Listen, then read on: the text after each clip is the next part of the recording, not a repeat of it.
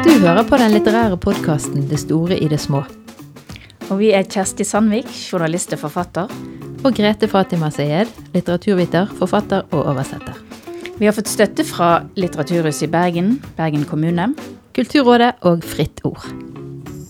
Og senere i denne sendingen så skal du få høre om forfatteren som går og drømmer om å ikle seg en bjørnekostyme. Og poeten som kommer fra en familie der man kunne snakke hundespråk hvis noe var litt vanskelig å si på vanlig måte. Der er vi altså. Dagens episode skal handle om dyr i litteraturen. Litterære dyr og språkdyr og vesener som kravler eller brummer omkring i bøker og fortellinger av mange slag. Og det Det Det har vi hatt i så lenge menneskene har eh, hatt en slags kultur. Det må vi trygt kunne si. Fra de eldste tider. Fra Bibelen og Esops fabler, Fra eventyrene Greske- videre opp igjennom. greske Myter. ja. Ja, norrøne myter. Og frem til eh, samtiden. Der det kanskje ikke er fullt så mye dyr, det skal vi komme tilbake til. Men eh, hvis vi begynner eh, på begynnelsen, da. Hva er det slags dyr vi har? I Bibelen har vi i hvert fall Noas ark med, ja, første jeg tenkte på, er disse søte lammene som hyrdene passer på. i Bibelen, ja. Både på markene utenfor stallen. Og slangen, selvfølgelig. Slangen. Og gullkalven er jo et dyr. Dansen rundt gullkalven. Uh, vi har i våre hjemlige sjangre veldig mye dyr. De tre bukkene Bruse, som tramper på min bro. Bjørn som mister halen sin ved å stikke ned i isen. Han blir vel lurt av reven, er ikke det sånn? Sånn var det, ja. Eh, og eh, Rødhette og ulven. ja den slemme ulven. som gjør det Og spiser henne og Men det er jo det at uh, disse dyrene, de er jo mennesker, da. Egentlig er det ikke det. Fristeren i slangen, uh, den slemme, lurete ulven, snille, fromme lammet. Jo, de har jo noen menneskelige egenskaper, helt klart. Eh, noen av de er jo en slags mellomting mellom menneskelige skapninger, og de er vel, har jo både horn og, og klover, er det vel. Men eh, også er jo sånn som ulven er vel selv om han eh, snakker og har de menneskelige karaktertrekkene, så han jo, viser han jo til hvor farlig det er å gå i skogen, og hvor farlig det var. Ja. Og det må jo være viktig. Jeg tenker hva funksjon disse ja, det er viktig både Det er en funksjon, og så er det jo Men den største funksjonen er vel kanskje å gi oss en, eh, en eh, Om ikke lærepenge, så en litt sånn moralsk spark til Ja. hvordan vi skal oppføre oss. At det er en effektiv måte å få, um, få, få frem et budskap, da. En Ja. moral. Mm, Lettere å se det i andre enn i seg sjøl. det tror jeg trygt vi kan si. Men tilbake til dette med, med menneskelige egenskaper, så syns jo jeg den er herlig, den historien om haren og skilpadden i Esops fabler. Hovmot stoff og fall. Det, det ender med at den stakkars klumpete og ugrasiøse og treige haren får sin triumf. Selv om Nei, unnskyld, skilpadden. Selv om um, haren er rask og fyker rundt eh, her og der, så er en så ufokusert på målet at det bare glipper. Ja, og eh, altså, nå er jo Esops fabler mange tusen år gamle. Og denne historien kan jo si oss ganske mye i dag Ja, du vet jo at det blir brukt om to typer forfattere. Nemlig den journalistiske, som du er din type, som Mm. hopper rundt og er kjapp i vendingen. Og den treige, sånne sosekoppen Akademiske som bare snegler seg fremover mot målet. Ja, men hvem er det som kommer i mål? Ja, det- må jeg gå hjem og deppe? jeg- kommer jo aldri i mål. Men du, Kjersti, vi må snakke litt om barnelitteraturen òg, fordi at eh, det er jo den eldste litteraturen på en måte i livene våre, da. De fleste som har blitt lest for noen gang. Og der er det jo nesten flere dyr enn det er mennesker. Ja, det er det. Det er mm, både dyr på en måte i sine naturlige habitater, som det suser i sivet, er vel sånn relativt. De er i hvert fall nede i De bor De bor ikke i hus, de bor jo inne i noen slags hulelignende greier. Eh, og eh, Men fra derfra til de som er helt menneskeliggjorte, og f.eks. Donald Duck som både er et dyr og har et dyr. Det syns jeg jo er litt spesielt. da Han er en and og har denne hunden sin, Bolivar. Og hvis vi eh, på en måte går kanskje før barnet blir lest for, så blir de kanskje sunget for. Og det er jo, er litt Da er jo dyrene aller, aller eh, høyeste grad til stede. Bæbæ, lille lam. um, Bjørn sover. ja. Kua mi, jeg takker deg. Mm. Deilig melk jeg får fra deg. Der er det læringsaspekt igjen. Men uh, vi skal komme til de konkrete bøkene vi har tenkt å uh, snakke litt om. Ja, da tenker jeg på Elisabeth Kolbergs bok 'Den sjette utryddelsen', som kom ut for noen år siden. Jeg tror det var i 2013 her i, i Norge. Eh, og i den boken så skriver jo hun annet om dyr som utryddes pga. våre menneskelige menneskelig atferd. Eh, og, og det er litt sånn jeg mente at her er på en måte dyrene seg sjøl og dyrenes egenskaper som menneskene kanskje har hatt en litt, litt for arrogant holdning til. da, At, at dyrene òg har en egenverdi, ikke bare en verdi for oss. Eh, og i den boken så er det spesielt en scene som er ganske sånn jeg ble rasende når jeg leste den. Og det var altså på Det fantes jo masse geirfugler rundt omkring for eh, noen hundre år siden. Og den aller siste gærfuglen, den var på en eh, islandsk øy. Og gærfuglene var store fugler som, som ikke kunne fly. De hadde på en måte ikke lært seg å være redd for menneskene. Og eggene der var attraktive. Og de, de brukte disse fuglene til alt mulig. Brukte oljen i det til å fyre med, og så var det da ett par igjen på en øy utenfor Island. Og så tar noen personer seg ut i robåt, ror ut der en gang på 1800-tallet. Krabbe opp den der øyen som stikker liksom rett opp for havet og holder på å omkomme. For å ta livet av den siste gærfuglen. Den er på museum på Island. Altså fuglen er stoppet ut, Ja, ja, den aller siste. ja. Så den har vi klart å utrydde. Ja, da er det ingen vei tilbake. Nei.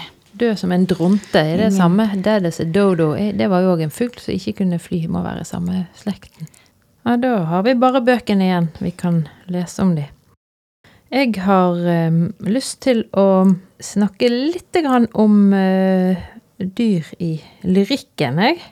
Fordi at nå har vi jo ikke funnet så enormt mye dyr i samtidslitteraturen. Selv om en forfatter som jeg liker veldig godt, som Merete Lindstrøm, har mange hunder og veldig god på å beskrive hunder som er liksom tause, men de er der, og de har sitt nærvær og et slags, et slags talende blikk og talende tilstedeværelse.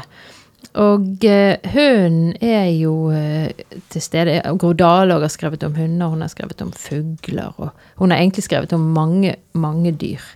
Det er vel noen som har skrevet om katter òg. Menneskenes ikke det jo Menneskets nest beste venn. Nest beste venn. Menneskets yndlingshatoobjekt. Ja, det er, det er jo hund. Ja. Skal vi dra hele hund versus katt? Det blir litt urettferdig, for vi er jo egentlig hundemennesker, både du og jeg. Jeg har hørt at hvis katten var stor nok, så hadde han spist eieren sin. Men vi skal skifte beite, da, for å bli i dyremetaforikken. Vi skal til poesien og uh, høre om Kjersti Bjørkmo, som har skrevet to diktsamlinger. Den ene heter 'Jeg har prøvd å bli venn med dyrene'. Uten å klare det, eller? Nei, det må du vente og lese og se. Aha. Mens den andre tar utgangspunkt i noe så upoetisk som det er overhodet mulig å tenke seg, nesten. Nemlig kommuneslagord. Og den er også fullspekket med dyr. Så kommunen har slagord Nei, dyr i slagordene? Nei. Nei. I Kommunene har alt sånn sånn 'kom inn i varmen', og 'her er det rom for alle', mens hun har diktet masse dyr inni diktene. Det var ikke så mange dyr der vi satt, men det var litt trafikk. For det, det, var, det er litt trafikkstøy i bakgrunnen, men du overlever det, sant? Ja, ja. Da får vi høre hva Kjersti Bjørkmo har å si. Når jeg leser dikt, andre sine dikt, og hvis det dukker opp dyr, så blir jeg ofte litt sånn eh, Skjerper sansene og ser hva var det her. Det gjør man jo gjerne hvis man bare sitter og ser utover i gata, og så ser man noe som rører seg, som man ikke helt først skjønner hva er. så eh, blir man akkurat som dyret blir når det ser mennesket. Da Ja. blir det sånn hm, Hva er det her? Ja. Er det? Her er det noe annet. Så den der skjerpinga som skjer eh, For alt man er vant til, alt som Da sløves jo både sansene og, og tankene lite grann. Mm. Det må det jo for at vi skal fungere i verden. Så kan vi ikke gå og synes alt er så rart hele tida. Eh, men som poet så prøver du å, å snu, snu litt og vende på det. Og jeg tror, eh, jeg tror rett og slett at eh, for meg så er dyra noe som hjelper meg litt. Og, eh, ja, man har godt av å se på noe som man ikke fullt ut forstår. Eh, og så er de jo interessante i eh, Ja, for de har noen egenskaper, liksom, eller noen karakteristikker som dels er sikkert kulturelle, og dels Ja. private, personlige. Det er klart, sånn som vi ser på dem også, så er det jo et sammensurium. Jeg er jo vokst opp med Disney og, og ja, vokst opp med hunder som vi hele tida har personifisert i familien. Vi har jo en måte å snakke Gi hundene stemme omtrent. Du kan, eh, hvis det er noe du ikke vil si sjøl i Bjørkmo-familien, så kan du alltids legge om stemmen og late som det er hun som sier det. Det er litt sånn Så, så det, har, det har nok prega meg litt at, eh, at vi har den der eh, Og det, det Den er interessant. Ja, Ja. faktisk. For det er, det er jo noe med menneske, forholdet mellom menneske og dyr. Da. Tenker du, altså Hvor mye dyr er det i, i mennesket? Vi er jo Vi er jo en skapning. Vi er et pattedyr. Ja, men det er veldig vanskelig å prøve å oppføre seg som et dyr eller gå tilbake. Det, det, det liksom eh, det er, Ja da, vi er et pattedyr, men, men det, er, det er langt inn til dyret i, i, i mange, på mange måter. I hvert fall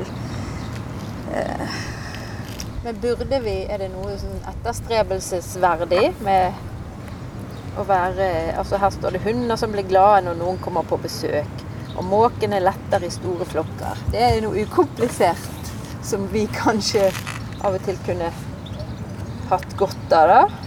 Snakker jeg for meg sjøl? bare være, bare luske rundt og få mat og Ja, det kan jo se litt eh, Det kan jo se litt eh, fint ut. Men eh, jeg syns jo egentlig det interessante ligger bare mest i, i blikket der også. I at du synes det ser fint ut. At du som menneske synes det ser fint ut. Eller ser litt sånn eh, Det, det, det, det er liksom en sånn veldig grei inngangsport til, eh, til eh, ja, Til å studere seg sjøl, liksom. Ja, Et slags ja, speil. ja. Eh, nå er jeg jo veldig glad i at de bare rusler rundt og er seg sjøl, men jeg har eh, eh, Jeg vet ikke om jeg er helt sånn her Jeg syns ikke Jeg syns ikke mennesket Det der med at ja, vi er alle dyr og Nei. Jeg føler meg veldig kultivert. Ja. Eller jeg føler at det er så mye som er tillært her i løpet av all sosialiseringsprosess at eh, at det blir en litt sånn eh, vag sammenligning. Jeg tror ikke jeg misunner noen dyr. Eh, annet enn hvis de som får lov å ligge og sove eh, om morgenen eh, og sånt. Ja. Hva er det løvene de sover 22 timer det i døgnet? ser eller jo noe sånt? veldig digg ut, Ja, det gjør jo det. men eh, jeg vet ikke. Men de har jo ikke poesi, f.eks. Mm. Det skal vi være glad for at vi har. Jeg tror også det med å ha de dyrene som bare bøller seg inn, eller kommer enten De bare kommer inn når jeg sitter og skriver. Ja. At det er en faktor som jeg kan ha omsorg for. Og jeg trenger egentlig jeg trenger den omsorgen. Ja. Eh, bare for å føle meg som, eh, som et OK menneske. Mm. Og, eh, så jeg har prøvd å skrive eh, så omsorgsfullt jeg kan om både mennesker og dyr i begge samlingene, faktisk. Mm. Eh, så, eh, så akkurat det, det er sant. Det er en slags solidarisk eh, Jeg stiller meg ganske solidarisk, sånn flatt uten Ja, Det er uhierarkisk Ja. solidarisk, og det er jo også det som er litt fint med dyrene. At de har ikke den der eh, valøren på eh, verdiskalering som, eh, som vi ellers kan bli både i arbeidsliv og Ja. ja, særlig i arbeidsliv kanskje bli fanga opp i.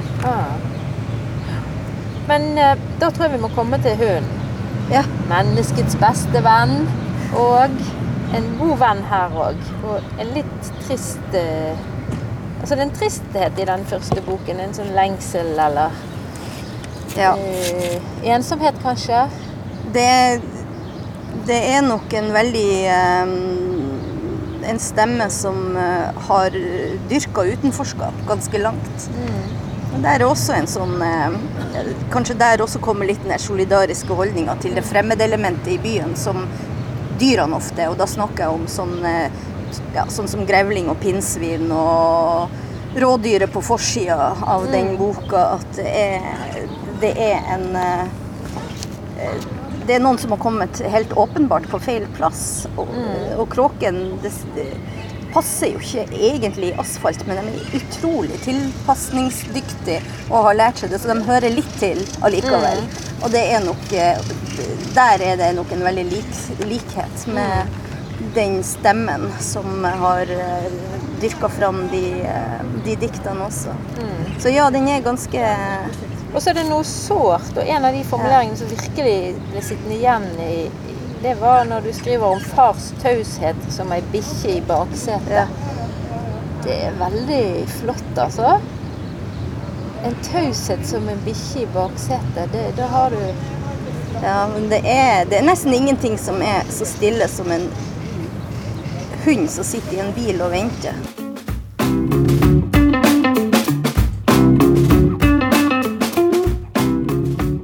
Skal gå videre til dyr som ikke bare er søte og nusselige og gode, sånn som noen dyr i litteraturen er, eller som skal lære oss noe og gi oss en moral, sånn som andre litterære dyr skal. Men det er ganske mange dyr òg som er ekle og skumle og truende og direkte livsfarlige.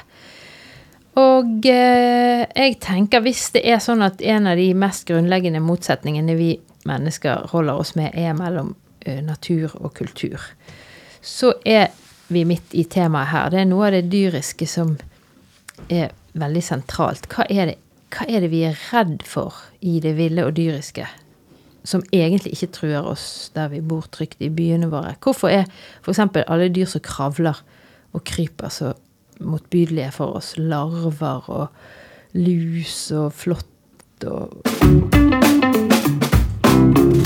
Jeg tenker at noe av det skumleste med disse dyrene må jo være at vi ikke forstår dem. Altså at vi ikke klarer å lese kroppsspråket. sant? Hunder øh, klarer vi å lese kroppsspråket til, men, men ikke Krypdyr har de et kroppsspråk. Nei, de har ikke noe Ingen dyr har språk, men, men de har det i hvert fall ikke. De er så radikalt annerledes enn oss. Vi skjønner ikke hva de vil, hva de tenker, i den grad de i det hele tatt tenker.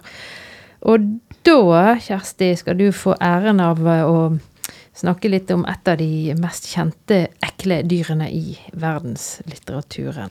Du tenker kanskje på eh, Kafka sin eh, Ja, jeg gjør det. lille roman. Ja, den lille forvandlingen, eller Ja. metamorfosen. Mm. Det er jo en fantastisk historie. Du, du lever deg jo på en måte veldig inn i hovedpersonen, da, som dessverre blir forvandla en dag til en bille. Ikke helt sikker hva bille det er, men billen er omtrent på størrelse med han sjøl, da.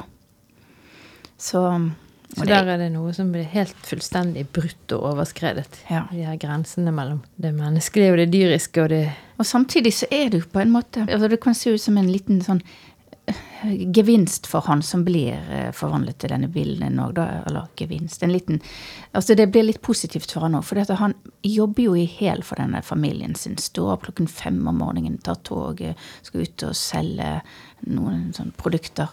Mens far, foreldrene og søsteren de sitter hjemme i en stor leilighet som han betaler, og søsteren får pianoundervisning, og faren sitter der og har så vondt og kanskje jobber. Men når han plutselig ikke kan jobbe og er blitt en bille, så plutselig sitter faren der i den flotteste uniformen. Han har fått seg jobb som vakt et eller annet sted. Da. Så den er, litt sånn, den er jo til og med litt sånn humoristisk. Ja. Jeg, leste den igjen nå nettopp for lenge siden jeg har lest den.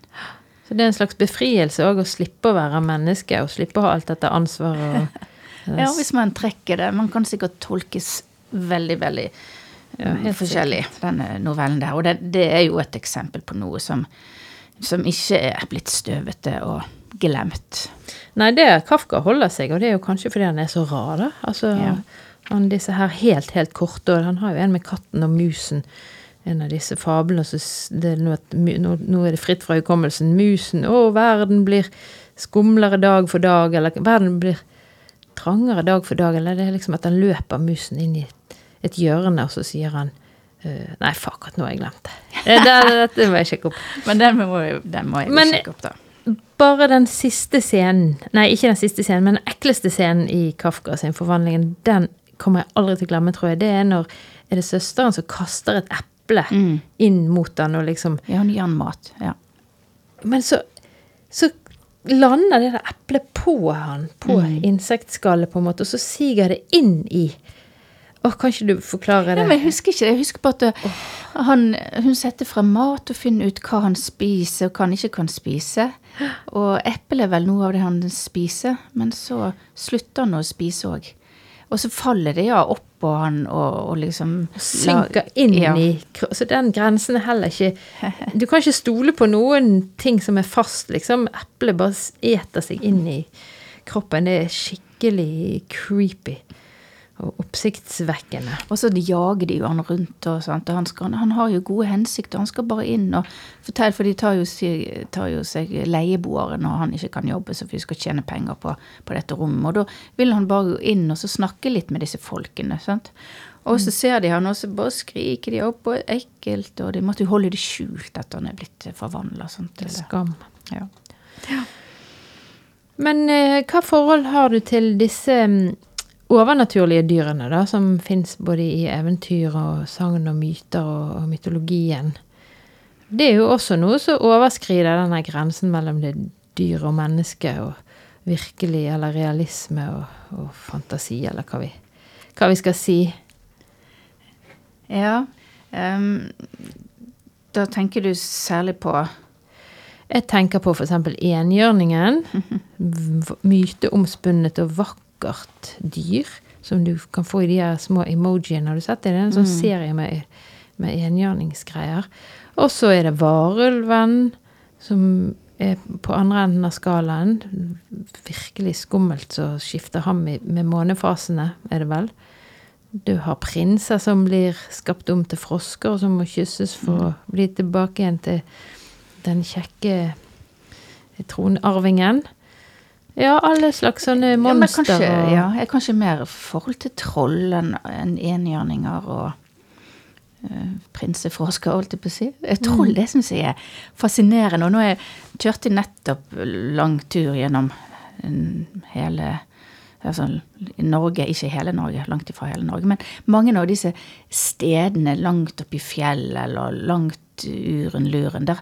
Og så tenkte jeg, jeg kan egentlig forstå at folk lagde seg disse trollene. For dette, noen av disse steinene de ser jo søren meg ut som Ja, du kan skape de både til det ene og det andre. Uh, og de har sånne ansiktstrekk og sånne ting. ja, og i skumringen forbi en skog, du ser ganske mye der. Og selv om du Til og med når du suser forbi en bil, sant, og tenk deg da uten lys i skumringen, og lyder som du plutselig hører. Så, så det er ikke så rart at eh, disse har oppstått. Kanskje er det til og med en liten sånn rest av en neandertaler i trollene. Ja, det Det er vel neandertaler, ikke det litt i oss òg, har de funnet ut nå? Jo, det er visst det. Mm, Det trodde vi ikke for ti år siden. Men eh, og, og så der òg tenker jeg at en del er jo eh, En del er avskrekkende, og en del er ønskedrømmer. F.eks. det her om å snakke dyrene sitt språk. Ikke det han Sigurd Favnesboen i, i det norrøne som kan plutselig snakke fuglene sitt, eller Ja. forstå fuglene. Og eh, på sankthansnatten skal du vel kunne Og hvis du får et sånn edderkoppspinn på deg, så skal du kunne snakke dyrene sitt språk. Men, eh, men disse i gresk mytologi er det jo en hel haug som er halvt menneske og halvt eh, eh, et eller annet annet. Og de fleste er vel skremmende. Selv om noen av de òg er veldig triste. Altså Minotauren som løp rundt i, i denne labyrinten på Kreta, han var vel egentlig en ulykkelig en ulykkelig kjærlighetshistorie inni der. Uh, Og så har du nøkken og huldra med halen. Mange uh, Mange sånne Og havfruen med er halvfiskekropp. mm, Ja. ja, Hulda, hva er det? Det er jo, litt sånn Man har gått ut i øde Ut i mm. naturen for seg sjøl. Ja. Når vi plutselig syns at vi ser noe, eller syns at vi hører noe, så, så, så for å forklare det, så Ja, og så drømmen om noe. Sant? Hun er jo veldig til altså Hun er veldig sånn forlokkende og tiltrekkende. Men um, disse skumle dyrene bringer oss til vår andre gjest, vårt andre intervju i dag, som er med forfatter Therese Tungen. Hun eh, brakdebuterte for et par år siden med en novellesamling som het En gang var dei ulver. Og eh, dette 'dei' i tittelen er- viser til hunder, noen hunder som en gang var ulver. Og da er vi i, rett i tematikken med det ville eh, versus det kjente og temmede, det nære og trygge versus det fremmede og skremmende. Eh, og eh, det er veldig mange dyr i denne novellesamlingen. Hun har også kommet med en novellesamling nummer to, som kom i 2019, som het Kjærleik og det som liknar. Der er noe dyrelignende der òg, men, men veldig mye i, i den første. Spesielt er det ett dyr der som har sitter som spikret i min hukommelse. Og eh, derfor var det fint at hun ville prate med oss, og nå skal vi høre hva hun har å si. det er så mange ord. Særlig de kretsene jeg vanker. Veldig ordrikt. Eh, og så kan det bli litt matt.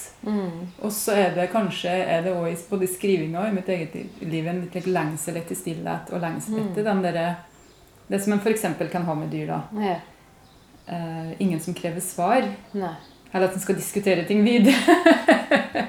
ting er som de er. Ja. Mm. Den stillheten i naturen. Eller. Mm. Så det, det tenker jeg òg ligger under der en plass. da. Og i boka, ikke den som handler om dyr spesifikt, men den som handler om forhold også, så er jo flere ganger at de personene blir litt like, matte til alle ordene som, eh, som blir sagt. Og ønsker seg bort. Ja. Nei, det kan jeg jo kjenne igjen, for så vidt. Men har du noen eh, forbilder, holdt jeg på å si? Nå, selvfølgelig, vi har alle lest mye, men jeg tenker på det med dyr. Syns du det er noen forfattere som er gode på dyr? Enten i historien eller i samtiden? Ja, det er nok det. altså, Men jeg har ikke akkurat når det gjelder det, så er det ikke en forfatter jeg har sett spesielt på. Men du Eh, nevnte en hundescene ja, fra gammel tid. Gamle, skikkelig gamle dager. ja, helt tilbake til Ja. greske ja eh, du har kanskje lest det senere enn meg, men jeg husker når jeg gikk på litteraturvitenskap i Trondheim slutten av 90-tallet. Så leser vi alle klassikerne, blant annet eh, 'Odysseen' til Homer. Som er noe av det gamleste som vi har lagra. Eh, og jeg husker så godt når den Vi leser jo ganske mye av den boka, eller. Og når scenen kom da Odyssevs har vært ute i ti år på havet og opplevd mye rart, og kommer igjen så er han helt forvandla, og det er ingen som kjenner at han Jeg ser ut som at han har mye skjegg og Ja, ja, ja. sant? Litt villmann. Sikkert helt sånn brunbarket eller Ja, det, seile altså. Ti år eldre. Ja. Og så er det en som kjenner at han Og jeg blir rørt på det jeg sier, Ja. men at det er hunden hans kjenner han, men ingen andre. Og hun, altså da er det lett å se for deg at hunden har blitt gamlere, sant? Ja, Det må hun jo ha blitt. Ja. Uh, og det syns jeg er så rørende og fin scene. Og jeg tenker at og det at ei slik scene ble skrevet fram for hvor lenge siden? Ja, det er 2300-400 år eller der omkring. Jeg husker ikke farten. Men, eh, men den derre blikket som ligger hos fortelleren av den som skriver det her, eh, og liksom ser den samhandlinga mellom mann og hund, da. Mm. Eh, at de må hadde det den, gangen og, og før det òg. Eh, som jeg syns er et eller annet veldig fint med. Men eh, den jeg tenker på, novellen heter 'Ikke vær for trist'. Ja. Ikke vær trist. Altså, den heter ikke 'Ikke vær trist', men 'Ikke vær for trist'. Mm, mm. Så der er altså en tristhet på en måte gitt i premisset. Og igjen er det et forhold som kanskje ikke er helt på topp. Det har i hvert fall vært opp, gjennom oppturer og nedturer. Det er vel de fleste forhold. Eh, Men det som skjer, er jo litt sånn ut av det blå absurd. Det er ikke sånn forberedt. Altså, jeg tenker på måten vi havner inn i et bjørnekostyme. Mm. Kan du fortelle litt om Ja. hvordan du opplever den novellen? Hovedpersonen, som heter Astrid? Astrid, Ja. hun eh, er alene i Oslo fordi at kjæresten skulle ta doktorgrad i New York. Og hun kunne ikke bli med, for hun har, en, har fått sin første forlagsjobb. Så hun må bli igjen. Og som du sa, forholdet går jo ikke helt greit fra før. Eh, Men når hun reiser, så er jo det en rystelse i livet hennes, og hun blir litt like, hjemløs og vet ikke helt hvor, hvor hun skal gjøre av seg. Mm. Hva kan hun er lenger. Eh, Det står på et tidspunkt at hun tar fram For hun, hun har jo eh, om med på nettet uh, før FaceTime, det her da, fra det er 2008. Men at til slutt så tar hun fram liksom, uh, datamaskinen og ser på seg sjøl i kamera for ikke å være så lane. Og det sier jo noe om hvor lane hun føler seg da, kanskje. Og så sier hun 'hallo' når hun kommer inn i en tomme leilighet. Ja, selv om hun hun vet at det ikke Mm. er noen der. Mm. 'Hallo'. Ja. Jeg husker jo, jeg har jo kjent på den følelsen sjøl i flere perioder. Det å plutselig være alene i livet. Når en er vant til å være flere, og ha noen rundt seg som definerer en sjøl.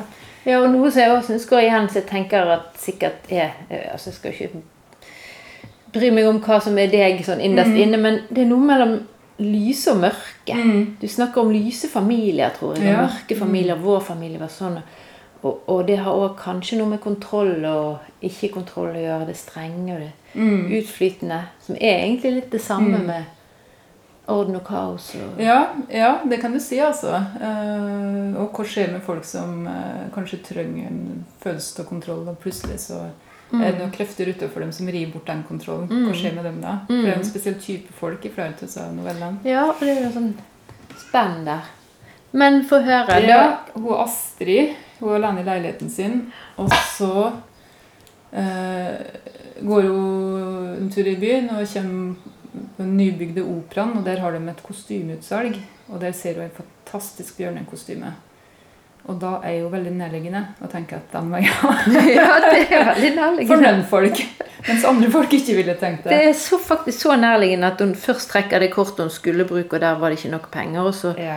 Trekker hun kredittkortet, som hun vel egentlig ikke pleier å Mm, bruker ikke til vanlig. Bruke. Og ha, skulle, skal- skulle egentlig spare penger til å reise til New York. Mm. Uh, Men det gjør hun i skjul. Og den drakta tar hun med seg inn i leiligheten og åpner den og går rundt med den i skjul. Uh, Arbeidstittelen på den novella var 'Skjul', tror jeg. Eller 'Skjult'. Ah. Det var det. Eh, og i den drakta så finner hun stor trøst. Hun føler seg litt som et lite barnet. igjen. det er jo som en sek, som heter second skin. yeah. At det liksom er i hud over hua og noe som beskytter. Og kanskje òg gir jo litt av Bjørn sine krefter, da. Um, jeg syns jo det er spennende med like, å ha sitt åndedyr, som, er, Ja. som et rasjonelt menneske ikke helt tror på sjøl, men samtidig så er det jo litt der hos deg i den, eh, den novella her, bare at åndedyret blir helt konkret. Det blir en drakt og tre på seg. Mm. Og det hjelper henne. Hun finner trøst i det. Men samtidig så kan, kan en si at det er jo en, en stor flukt bort fra virkeligheten. I stedet for å konfrontere problemene, så, så forsvinner hun inn i ei bjørnedrakt. Um, og jeg syns det her var utrolig spennende å skrive fram. Det var vanskelig å motivere hvorfor skal jeg ha ei bjørnedrakt inn i novella. Uh, men jeg følte at det måtte jeg få til. Det er litt som at jeg hadde lyst til å skrive metamorfose i den andre novella. Det måtte jeg prøve. Yeah. Og litt av grunnen til at det var så viktig i denne novellesamlinga her, er at alle novellene er så realistiske. Mm. Det skjer ikke så sprø ting som i den første samlinga mi. Og jeg måtte ha en ting som var litt mer goofy Mm. og rart. Ja, og der kom den bjørnen ut av kostymelageret. Men nå er vi klar for dagens anbefaling, Grete. Og det er Age is for hawk. Det er en bok som jeg har i en utrolig fin utgave, en sånn paperback med, med innbrettklaffer, en sånn blå bunn. Eh, forfatteren heter Helen McDonald. Boken kom i år eh, 2014. Jeg tror den var eldre, jeg. Og den blir regnet for å være en sånn utrolig vellykket eh, eksempel på den her nature writing-sjangeren eller typen. Eh, Helen MacDonald er forfatter og illustratør og historiker ved mm, Department of History and Philosophy of Science at the University of Cambridge, står det her. Hun har gitt ut før denne boken en bok som heter Falcon, Falk, i 26, og Shaylas Fish i 20, 2001. Men denne boken syns jeg er bare helt ekstremt imponerende skrudd sammen. Både språket er veldig bra, eh, og eh, særlig er jeg så imponert over eh, komposisjonen, eller hvordan den på en måte er teknisk bygd opp for å trekke oss lesere inn i, inn i teksten. Første av, eller kapittelet heter 'Patience', altså tålmodighet. Og det handler jo Det kommer etter hvert frem en episode fra hun var ni år, når faren lærte henne å se på fugler, og hvor viktig det er å være tålmodig. Men det begynner med at hun introduserer et sånt landskap. Og så sier hun at der, der, endte hun opp en morgen for syv år siden på en reise som hun ikke hadde planlagt i det hele tatt. Så da er jo, ble jeg veldig nysgjerrig. Og hvorfor dro hun der, og var det liksom på impuls, og syv år siden, hva skjedde, og sånn. Uh, og så får vi da fortellingen om at hun vil se på eh, disse uh, haukene som har et sånt slags paringsritual, eller det er i hvert fall der hun kan reise for å se dem. Og vi får vite at hun har gjort det før. Hun forteller en god del om landskapet hun er i. Hun, sier, hun sammenligner seg sjøl med dyrene. Og det syns jeg er det noe av det som fascinerer meg, at hun bryter med de grensene mellom menneske og natur og menneske og dyr. Hun sier rett og slett at uh, hun føler seg som et, et, et, et sånn hjortedyr, et deer, Og dette var en annen slags jakt, sier hun. Altså jakten på haukene. Here I was a different animal. Så hun kaller seg sjøl rett og slett et dyr. Og det samme gjelder um, eh, landskapet. Eh, dyret Altså, det har blitt ødelagt, på en måte. Det har blitt en slags ørken der i England. På grunn av at de holdt kaniner, og alle kaninene som rømte, gjorde et eller annet med landskapet og spiste opp noe vekster eller et eller annet sånt. Så det har blitt et slags Fra å være et sånn industri eh, Skjønner du hva jeg mener? Altså dyreholdet. Industrien og kulturen har gjort naturen til det villeste landskapet i hele, i hele England. Og det samme gjelder disse falkene, da, som har vært utryddet, men som ble eh, innført igjen. Blant annet fra Norge, tror jeg det var. Eh, da var det sånn i 1800-tallet en gang at, eh, at eh, for hver falk man importerte fra et eller annet land, så måtte man òg kjøpe en som man satte fri. Og dermed så har det blitt en sånn stamme. Så hun sier, eh, konkluderer her ganske tidlig med at 'the wild can be human work'. Det syns jeg er så elegant og stilig gjort. Uh, og så går jo da dette hele første kapitlet. Hun har utrolig lang, god tid før hun kommer til det andre store temaet som gjør at vi som lesere blir veldig, eller i hvert fall jeg, blir veldig dratt inn i det. Og det er på siste side i, uh, i dette kapitlet så forteller hun om at hun har tatt med seg et stykke sånn reinsdyrmose, heter det direkte oversatt fra denne turen hun dro på. Og så eh, lyder siste setningen For den reinsdyrmosen tok hun hjem og satt på, på en hylle i nærheten av telefonen. Så skriver hun tre uker seinere var det på denne reinsdyrmosen denne reinsdyrmosen jeg så på når min mor ringte og sa at min far var død. Mm. Og da er liksom det andre store temaet. Død? Ja, for det er jo faren som har lært henne dette å drive med hauk på denne måten. Du har nå hørt en episode av den litterære podkasten 'Det store i det små'. Og hvis du likte det du hørte, så følg oss gjerne på Facebook og Instagram.